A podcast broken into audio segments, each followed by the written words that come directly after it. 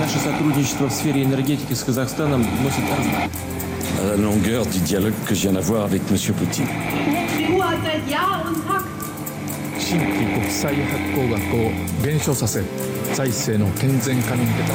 Símbolo del fascismo en Sudamérica.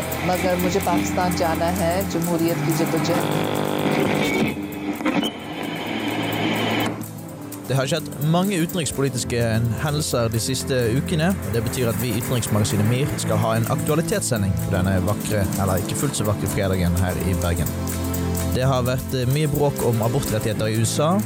Sinn Fein i, eh, i Irland har vunnet valget, og eh, Keir Starmer, den britiske opposisjonspolitikeren, er ute i hardt vær. Det er også snakk om to nye medlemmer i Nato. Sverige og Finland eh, flørter begge med, med organisasjonen, og Finland har også levert en søknad. Og Sverige kommer sannsynligvis til å gjøre det snart.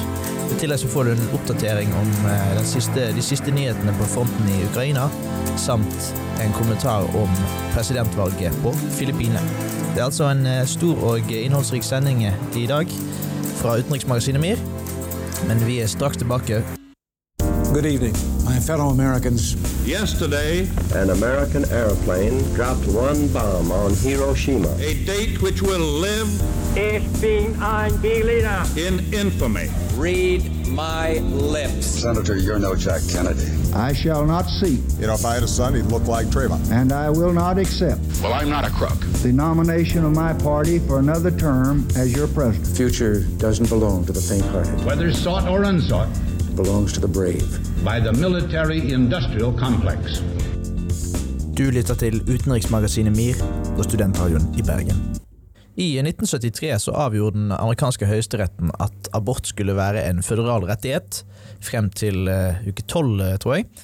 Uh, og nå har, det har vært en, en, uh, en sak eller en dom, en avgjørelse, som, som mange republikanere og konservative i USA ønsker å omgjøre. Men frem til nå så har det ikke vært så aktuelt, fordi nå viser det seg at eh, en eh, av disse dommerne i amerikanske høyesteretten, Alito, har eh, lekket et notat, eller det har blitt lekket et notat som er skrevet av han, hvor fem av de da totalt ni høyesterettsdommerne i amerikanske høyesterett har sagt at de eh, ønsker å, å rett og slett reversere denne her Roe v. Wade-avgjørelsen. Som betyr i praksis at når denne her eh, saken blir tatt opp i, i juni, så, eh, så kan den bli reversert, og, og abort som en føderal rettighet vil forsvinne. Så med det så spør jeg deg, Frida, hva betyr egentlig eh, det at eh, abort vil forsvinne som en rettighet, sånn som amerikanerne kjenner det i dag? Det betyder, at, at det ikke lenger vil være en føderal rettighet. Det betyder, at spørsmålet om abort går tilbake til staterne, øh, de selvstændige stater i USA. Øhm, og det vil betyde, at det altså vil være op til de øh, repræsentanter, der bliver valgt fra øh, staterne til at, at afgøre, om det her skal være lovligt i, i den pågældende stat, øh, en borger så lever i. Øhm, og det betyder blandt andet, at øh, rigtig mange stater allerede har, har lov, som vil blive sat i gang af, af den her øh, overturning af, af Roe v. Wade. Øhm, og det betyder, at, at det for mange amerikanere vil være øh, ulovligt, og, og faktisk vil være øh, en, en for, øh, hvad hedder det, forbrydelse eller kriminelt at, at tage abort. En anden ting, det også betyder, er, at øh, hvis det her øh, sker i staterne, øh, vil abortklinikker blive nedlagt, og, og det vil gøre det rigtig svært for, for kvinder, som aborterer naturligt, øh, at få den hjælp, de trænger. Øh, og andre piller og, og IUDs øh, vil også blive øh, svære at, at få tilgængelige. Så det er rigtig, rigtig mange øh, ting, som der pludselig vil, vil være usikre for amerikanere og deres øh, adgang til, hvad hedder det nu, øh, ja, contraception. Så abort vil altså bli et, et delstatlig spørsmål kontra et føderalt spørsmål. Ja, Jonas? Ja, og det er jo det at det skal tolkes av Grunnloven, som er nesten 250 år gammel. Det er jo ganske rart da, at det, ni dommere skal tolke noe ut ifra noe som uh, var skrevet på en tid der kvinner ikke hadde, var sett på som mennesker, og, og kunne, kunne vært styrt av hvite gamle menn. Og Det tror jeg er ganske utrolig. Da viser jo de siste årene. eh, Det er jo, den eh, dommen nå er jo basert på eh, en dom fra 2018, der eh, Mississippi foreslo en lov om å forby eh, abort etter uke 15. Og det, ja, og det viser jo De siste årene så har det vært ganske mange delstater som har prøvd seg på nye lover som enten reduserer eller forbyr tilgangen til abort. og Det er jo Mississippi et godt eksempel på, der det er på en måte jeg tror det er kun ett sted man kan ta abort nå, og der det er veldig eh, begrensa med muligheter. Og så må vi vise klasseperspektivet, da, med at eh, det er veldig få som har muligheten til å reise langt da, for å ta abort grunnet jobb og, og barn og diverse. da. Ja, for det er enkelte delstater som har da lagt opp for at når de, de antar at denne her uh, Roe v. Wade vil bli omgjort, noen sannsynligvis vil bli gjort, og så har man lagt opp en, en lov eller et, apparat som gjør at den dagen dommen blir, uh, blir uh, omgjort og reversert, så kan man rett og slett implementere disse lovene som per nå er i strid med, med denne her presedensen som, som Roe v. Wade setter, men forsvinner den, så, så vil det bli lovlig, eller dermed ja, ulovlig, å, å gjøre abort. Så det er en del sørstater som er fryktelig, fryktelig giret på og, at denne her dommen skal, skal bli reversert. Um, så spørsmålet er jo da altså, Det er nesten merkelig å tenke på at, at USA eh, altså I 1973 var jo det var relativt tidlig for, for, en del stater å komme fri abort på, på, den måten, så det er merkelig å se at, at USA nå går den, den, gale retningen. Jeg vet ikke om du har noen tanker om det, Frida? Ja, altså Vi ser jo i dag et, et meget splittet USA, um, og, og, det her spørsmål om abort er uh, og det er rart å se fra et europæisk synspunkt, men det er faktisk noe som splitter USA utrolig mye, og, og en av de store poengter for republikanere. Um, og, og det, vil, det vil helt sikkert, hvis Roe v. Wade bliver, bliver omgjort, der kommer der til at være et tydeligt skæld, fordi det faktisk vil være et, et stort skæld i rettigheder for borgere, der bor i republikansk styrede stater øh, frem for demokratisk styrede stater. Hva slags reaksjoner har vi sett eh, på, eh, på, det her, Jonas? Ja, Man kan nesten si at det har blitt helt Texas. fordi Texas er kanskje det beste eksempelet på hvordan ting har utvikla seg. fordi I fjor høst så kom det en ny lov i Texas som, som ble kalt heartbeat-loven, som eh, forbyr abort med en gang det er hjerteslag, da, som er rundt ca. uke seks. Og det, det, som har skjedd, da er jo at eh, Høyesterett ikke har stoppa denne loven, så det nå er i realiteten så er det forbudt å ta abort i Texas, og det er flere andre stater som mest sannsynligvis kommer til å følge etter. da. Men man ser jo òg eksempler på stater som har gått motsatt vei. Det, det er jo stater som California og Colorado som har på eh, forsterka kvinners rettigheter til å ta abort. da. Ja, for enkelte andre typisk demokratiske stater, da, altså partiet, eh, ønsker å være en frihavn for kvinner som, som ønsker å ta abort, eh, som en reaksjon på at at uh, abort vil bli altså, ikke, ikke, legalisert eller uh, ikke være en, en, rettighet på føderalt nivå. Da. Så det er jo klart det er ulike reaksjoner på det her, men, men, det er klart det vil bli betydelig vanskeligere for amerikanske kvinner å få abort når de enten må reise ut av sin egen stat for å ta det, eller kanskje det til og med eh, blir sanksjonert å, reise ut av egen, sin egen stat og, og ta abort. Så, så, det er en, en dyster utvikling.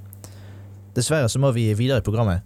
Nå etter Eh, senere så vil du få en kommentar laget av nettopp Jonas om eh, presidentvalget på Filippinene. Og så eh, vil vi snakke mer om Irland og England, der det har vært litt ulike utviklinger. Her kommer en kort kommentar om Filippinene.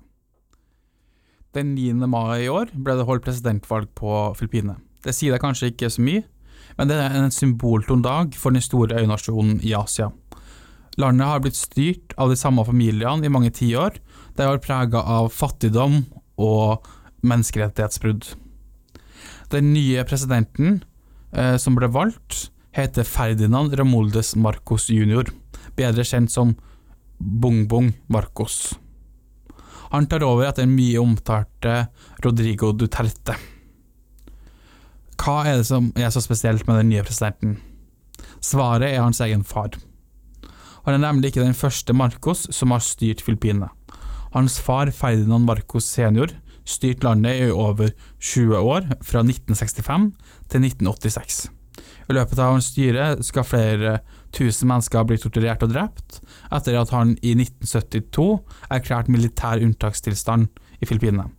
Han skal også stjålet store summer fra den filippinske statskassen, som skal ha kommet hans familie til gode, der bl.a. hans kone levde et ekstravagøst liv prega av mange, mange sko og eh, en eh, ekstravagøs livsstil.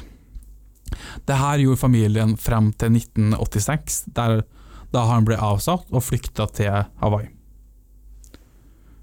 Fra Duterte til Marcos. Hvorfor velger det filippinske folk en diktatorsønn med historisk stor margin? Eh, det er et veldig komplisert spørsmål, men det er kanskje ikke så fjernt som vi skulle tro. Et av de viktigste elementene er nemlig sosiale medier. Det her har blitt eh, en viktig aspekt av valgkamper både i Filippinene, USA og til og med i Norge. Eh, men det som er prega på Filippinene, er nemlig falske nyheter. Der har Marcos-familien klart å omskrive historien ved hjelp av sosiale medier, som preges av falske, fabrikkerte nyheter. Det fikk mye oppmerksomhet i fjor, da Nobels fredspris gikk til den uh, filippinsk-amerikanske journalisten Maria Reza, som har satt sto, uh, stor vekt på uh, Duterte og andres fasade. Politikerne ansatte folk til å spre feilinformasjon på plattformer som Facebook, der de forteller en fabrikkert historie av virkeligheten. Riesa mener denne desinformasjonen vil bli forsterka med Marcos eh, som president, der han maler et glansbilde av seg sjøl og hans fars presidenttid til en ny generasjon. BBC uttaler at historien nå har kommet til en hel sirkel. Det er nå 36 år siden Marcos senior styrte Filippinene med jernhånd. Nå som Marcos junior skal styre landet, er det mange som er spent på hvordan utviklinga av det store asiatiske landet skal gå. Under Dutertes styre har hans krig på, på dop vært brutal og prega av mange menneskerettighetsbrudd og drap. Mange har ikke høye forhåpninger når Marcos junior nå skal styre eh, landet med over 100 millioner mennesker dette er noe som både Amnesty er veldig spent på, og mange andre. Og det her er sannsynligvis ikke siste gangen vi snakker om eh, Filippinene. Kilder i denne her, eh, kommentaren var BBC, NPR, Aftenposten, VG og Amnesty International. Takk for meg. I'm speaking to you at what I know is an increasingly challenging time. A state of war would exist between us. A time of disruption in the life of our country. Has been invaded by a foreign power. A disruption that has brought grief to some. Diana, Princess of Wales, has died. Financial difficulties to many. Who can understand the bitterness in the home of the unemployed, as does the wife and mother? And enormous changes to the daily lives of us all. The British flag will be lowered. The British people have voted. And British administration administrative responsibility will end. Du lytter til utenriksmagasinet MIR på Studentradioen i Bergen. I Irland så har det vært valg, og eh, der har eh, partiet Sinn Fein vunnet 27 eh, av 90 seter i parlamentet. Og det er dette her den politiske armen til det tidligere IRA, altså Irish Republican Army, som har fått mange til å spekulere om dette her endelig, endelig vil være det tidspunktet hvor Nord-Irland eh, kommer ut av den eh, Altså Storbritannia sine, sine klør, og om det da endelig blir et, vil bli et forent Irland. Så med det, Jonas, så spør jeg hva, hva, hva tenker du om, om, situasjonen?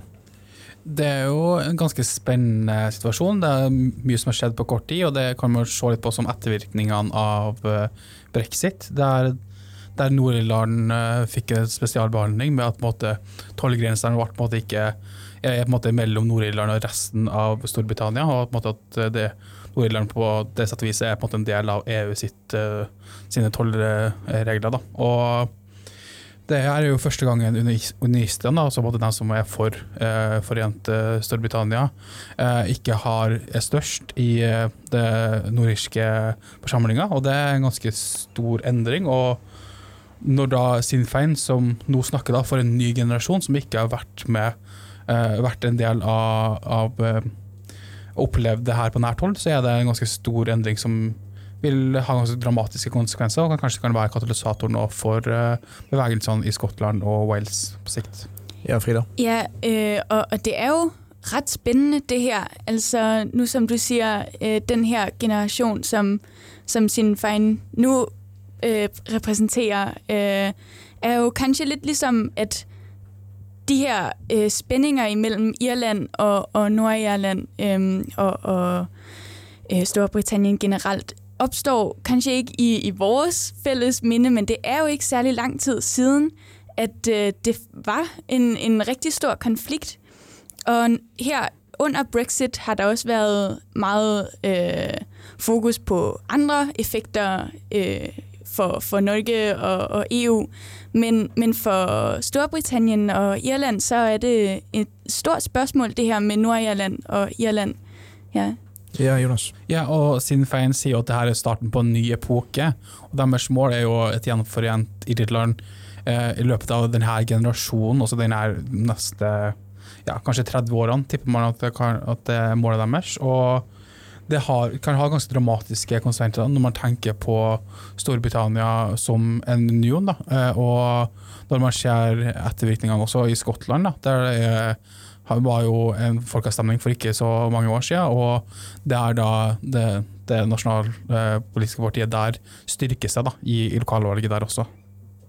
Så et, eh, dersom Nord-Irland blir en del av Irland, eh, og så kan det skape, som du sier, mer momentum for, for både for Skottland og, og, deres uavhengighetskamp. Kan det bety slutten for, for det forente, forente kongedømmet på de britiske øyer?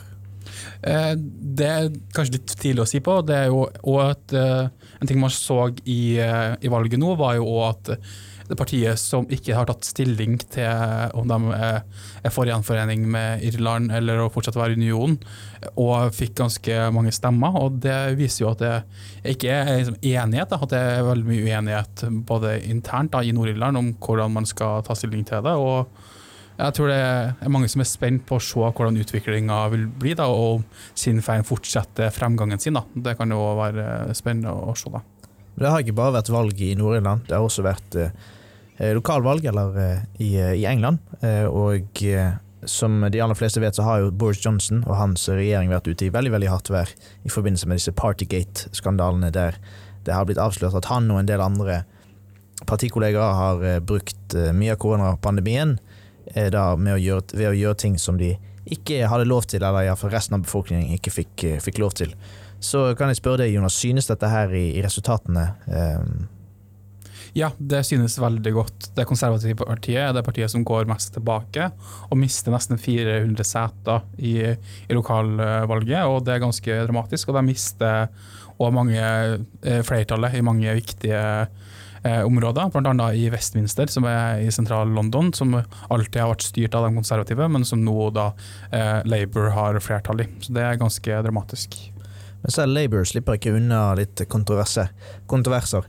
Eh, altså, sjefen, eller lederen av opposisjonspartiet Labour, eh, tilsvarende Arbeiderpartiet i, i Storbritannia, eh, han har vært også ute i hardt vær, der det har blitt avdekket bilder av han og noen partikollegaer Eh, hvor de da tar noen pils eh, og er sosiale i løpet av eller under koronapandemien. Som da minner veldig om det Boris Johnson var, eh, var ute for. Altså, han har jo sagt at han kan være kan være villig til å gå. Han var også presset mye på, på Boris Johnson for at, han, for at, han, skulle gå. Så hva tenker du, Frida, det her betyr for, for Keir Starmer, opposisjonslederen? Jeg tror at uh, i et måske i et bredere perspektiv, der ser vi bare mange politikere, vi har også set det her i Norge, øh, de er ikke perfekte, hverken øh, konservative parti i England eller Labour slipper under. Øh, jeg tror, det viser mere en, måske en journalistisk vinkel og en, en folkestemning af, at coronapandemien har varet rigtig lang tid. Det er svært at at se igennem fingre med sådan nogle her ting. Det viser den her øh, splittelse imellem øh, politikere og befolkningen i, i et bredere perspektiv, vil jeg sige. Jonas? Ja, men samtidig så er det ikke i nærheten like alvorlig som det Boris Johnson øh, og hans øh, partifeller har holdt på med. De har jo, det har jo vært snakk om jeg tror det var tolv fester og samlinger, og der politiet nå har gitt over 100 bøter da, til sammen på de arrangementene, mens eh, Starmer ennå ikke har fått den bota, og han har jo sagt at han vil gå av hvis han får bot. da, og Han ser ikke på det her som så alvorlig, men det kanskje gir jo viser jo litt om på det ryktet til Labour, da, at de har slitt ganske mye med å finne en uh, solid leder da, de siste årene. og Det har vært mange forskjellige som har, har prøvd seg, og de ikke ennå har funnet det. det. det. blir jo spennende å se, da, og, og på en måte kanskje spesielt måte, hvordan Johnson slipper unna eh, kontra alle andre politikere i, i Storbritannia. Kan jo nevne at nevnes at britisk presse er jo relativt konservativ til å begynne med, så det er jo ikke utenkelig at man, man prøver å lage storm i et vannglass ved å da prøve å fokusere litt mer på denne her Keir Starmer-saken, Starmer eh, og da avlaste litt press på, på, Boris Johnson. Men vi er ikke ferdig med Boris Johnson, fordi tidligere i eh, uken så skrev han under, eh, sammen på vegne av Storbritannia, sammen med eh, den britiske, nei, unnskyld, den svenske statsministeren og den finske statsministeren. De skrev under sikkerhetsavtaler for, for de to respektive landene, som nå snakker om å bli med i, i Nato. Vi skal snakke mer om disse her Nato-medlemskapene i neste stikk. It is our responsibility to keep Europe together and let rebuild Notre Dame and happy Easter.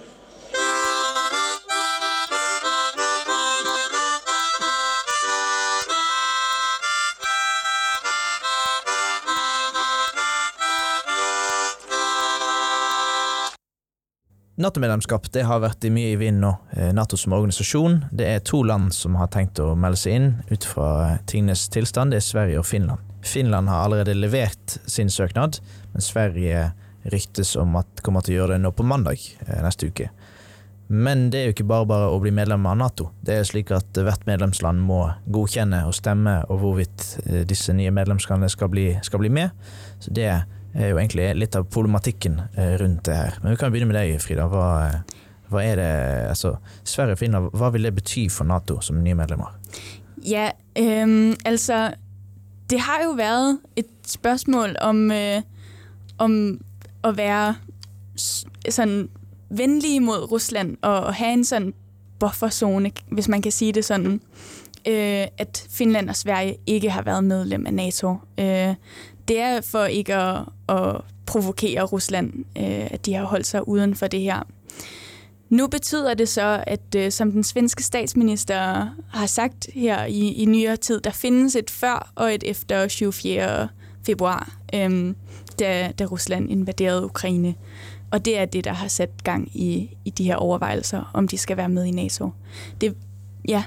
Hva er dine tanker om situasjonen da, Jonas? Det er jo en ganske alvorlig situasjon, og det er jo som uh, vi har snakka om tidligere, noe som kommer til å endre verdensbildet, er jo, ja, som Frida sa, uh, den innovasjonen. Og jeg tror jo på en måte det her kanskje er en av de største ettervirkningene. Der man ser da på en måte at Nato nesten blir et fellesskap imot Putin. da.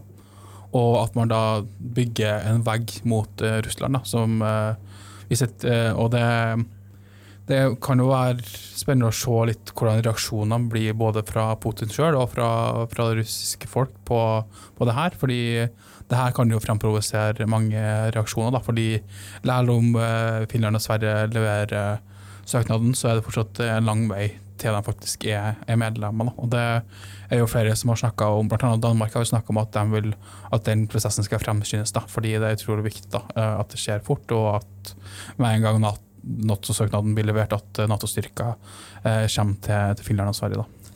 For Ukraina-kristne har vist hva som er forskjell på å være medlem av Nato og hva som er å være alliert med Nato.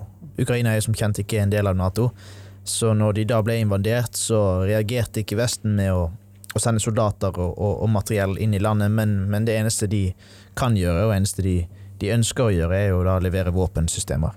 Så man kan jo tenke seg at dersom det samme skulle skjedd med Finland eller Sverige, så ville kanskje Nato reagert på samme måte, og det er jo den utryggheten som, som har ført til at de to landene nå eh, i stor, større grad vil, vil være medlem av Nato.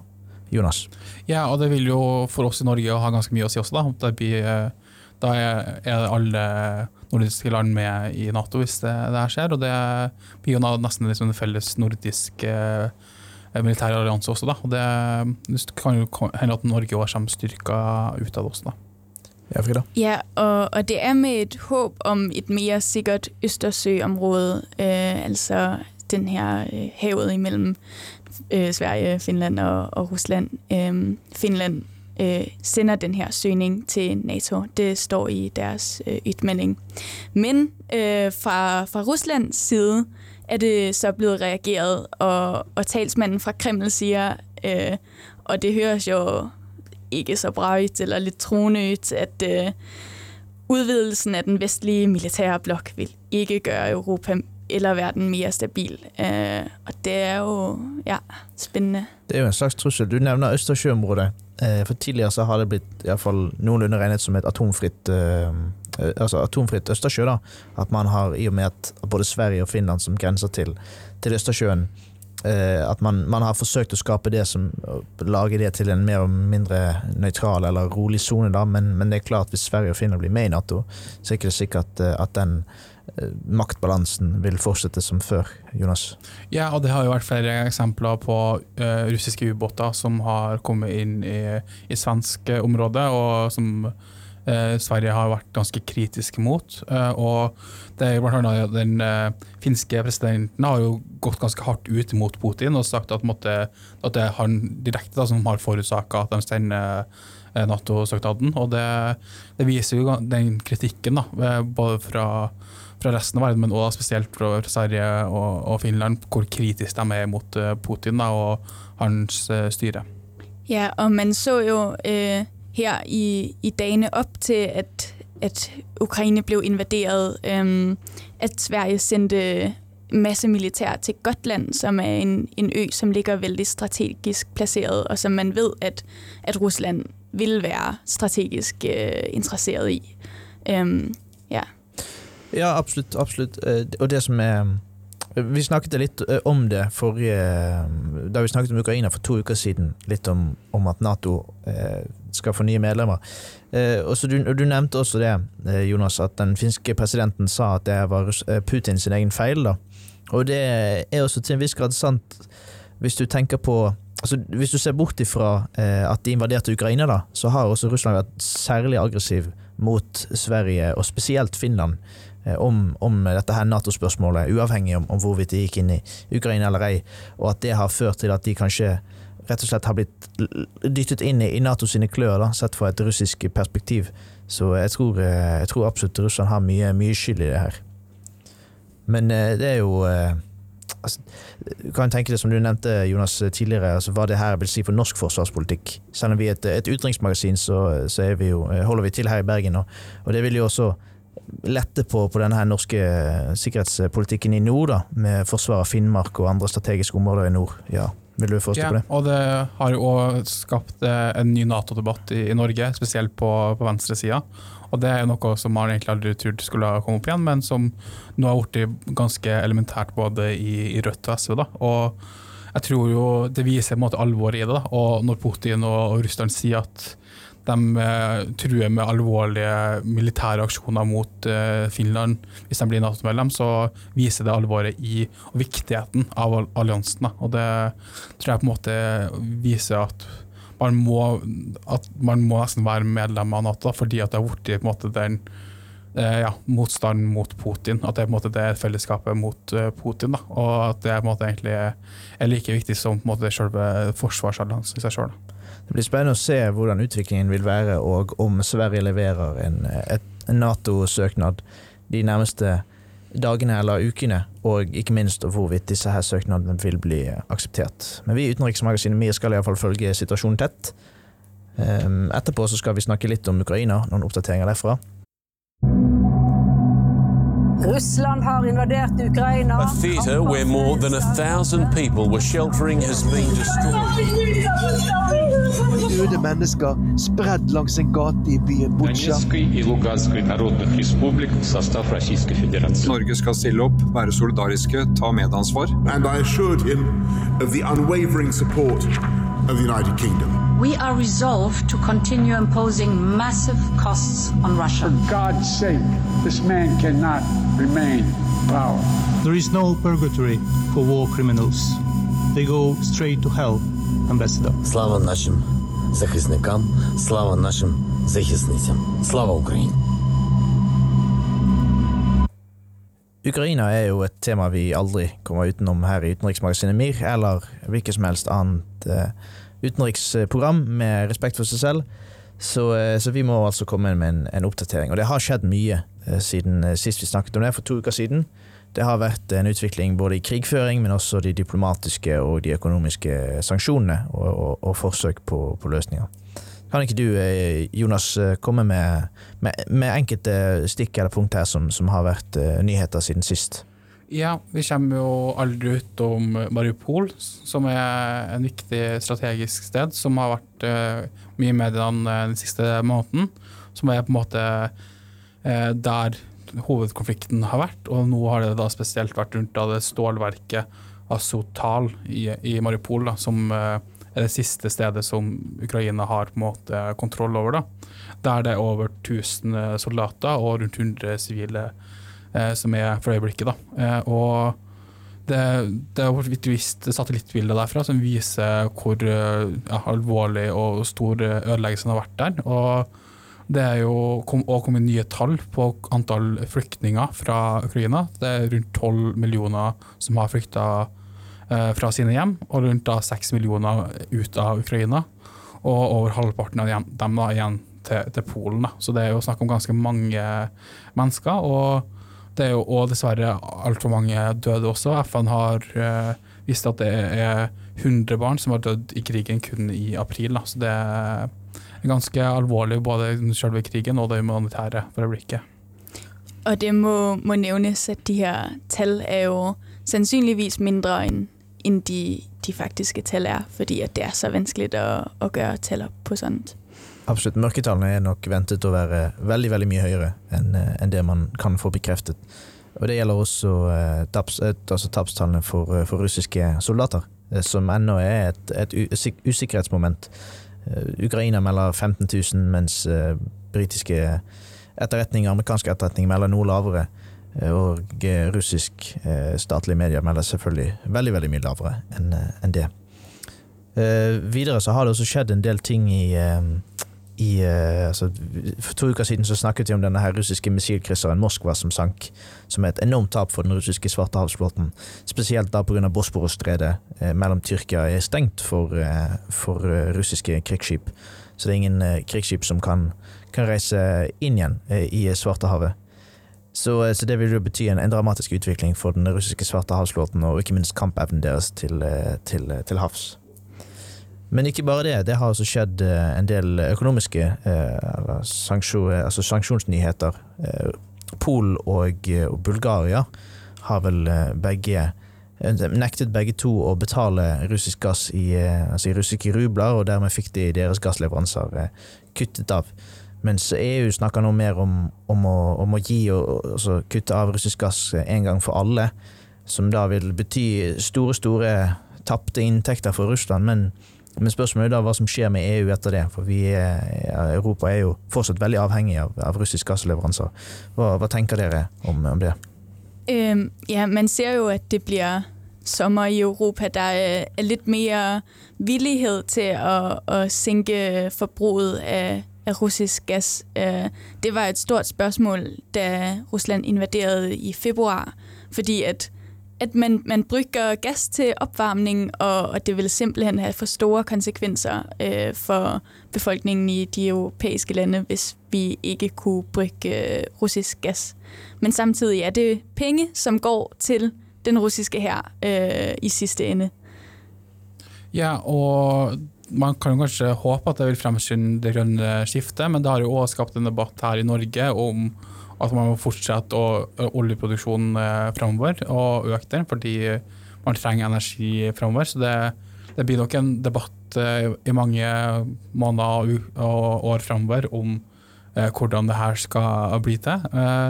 Men det viser jo ja, Som du sa tidligere, så har jo EU vært ganske streng med direktiver mot Russland, men de har jo òg gitt ganske mye penger til Ukraina. og Det var jo nå sist i dag så står det at EU skal gi 500 millioner euro til Ukraina i krigsmaktmateriell. Altså det, er jo, det er jo på en måte veldig tydelig hvor uh, Europa og verden står. Da. Det er på en måte de støtter Uk Ukraina. og Den, den polske statsministeren har jo gått ut og sagt at Putin er farligere enn både Hitler og, og Stalin. Så det er et ganske tydelig budskap fra, fra resten av Europa.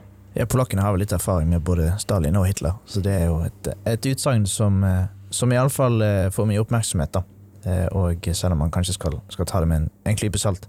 Men uavhengig av det, så, så er denne her utviklingen i Ukraina så, som vi snakket om for to uker siden, at, at det, er en krig som har blitt, den har endret veldig karakter. da. Fra denne her raske hybridkrigføringen som russerne ønsket å, å, å gjennomføre, så har det blitt en, en nærmest en skyttergravskrig, hvor det er, det er veldig steile fronter og det går sakte og sakte. Hva tenker du om det, Frida? Ja, øhm, det, er, det er en krig som, og, og det tror jeg mange så komme, øhm, at det tager, det tager lang tid, og, og det trækker ud. Øh, nu ser vi, at øh, Ukraine begynder at rejse sigtelser for krigsforbrydelser imod øh, russiske soldater. Og det kan, kan altså, udover at, at krigsforbrydelser selvfølgelig skal behandles øh, i, i retten i Ukraine, så kan det kanskje også ses som en måde at holde verdens blik på Ukraine, at det her skal altså ikke være en krig, som går i glemmebogen, og som får lov til at, at, at køre øh, ubemærket. Det er jo, som, som øh, vi ved, har der været krig i Ukraine siden 2014, øh, og den har ikke fået særlig meget opmærksomhed øh, fra, fra resten af, af verden. Og det er kanskje det, som Ukraine nu forsøger, altså det her må, øh, de her realiteter må, må indses af, af resten af verden. Det spørs hvor lenge verden vil følge med på krigen i Ukraina. Men vi i Utenriksmagasinet MIR kan hvert fall love at vi skal være på, på ballen i dekningen av dette her. Og så blir det spennende å se hvorvidt det blir flere saker om krigsforbrytelser, da ikke bare mot den alminnelige russiske mening, men også kanskje høyere opp i, i rangstigen. Vi må videre i programmet. Vi skal til en, en kort oppsummering. Vi har hatt en innholdsrik eh, sending denne regnfulle fredagen. Det var dystert, dystert, dystert vær på Nygårdshøyden. Vi har snakket masse forskjellig. Vi har annet vært innom eh, de amerikanske, de forente statene, eh, Frida, der det har skjedd en utvikling i abortsaken. Hva har skjedd der? Ja, øh, der er blitt legget et dokument der viser tegn på, at øh, høyesteretten i USA altså kan tilbaketrekke den her føderale rett til å få abort i USA, øh, Roe v. Wade. Ja, og så snakket om valget i Nord-Irland og lokalvalg i England. Og blant bl.a. Nato-medlemskap, eh, som vi var innom for, eh, for, to uker siden. Så hadde du en kommentar om Filippinene, Jonas. Kan du bare kort fortelle det? Ja, det har vært valg på Filippinene der de har valgt en diktatorsønn som ny president. Ja, det er jo spennende utvikling. Får vi sikkert masse innhold i fremtidige sendinger. Vi må dessverre gi oss for i dag, men i studio i dag så hørte du meg, Viktor Botnevik, Jonas Rønning og Frida Todal. Vi er Utenriksmagasinet MIR, og vi er tilbake igjen neste fredag samme tid. Jeg håper vi, vi lyttes der. Ha en riktig god helg, og ikke minst en riktig god grunnlovsdag den 17. mai.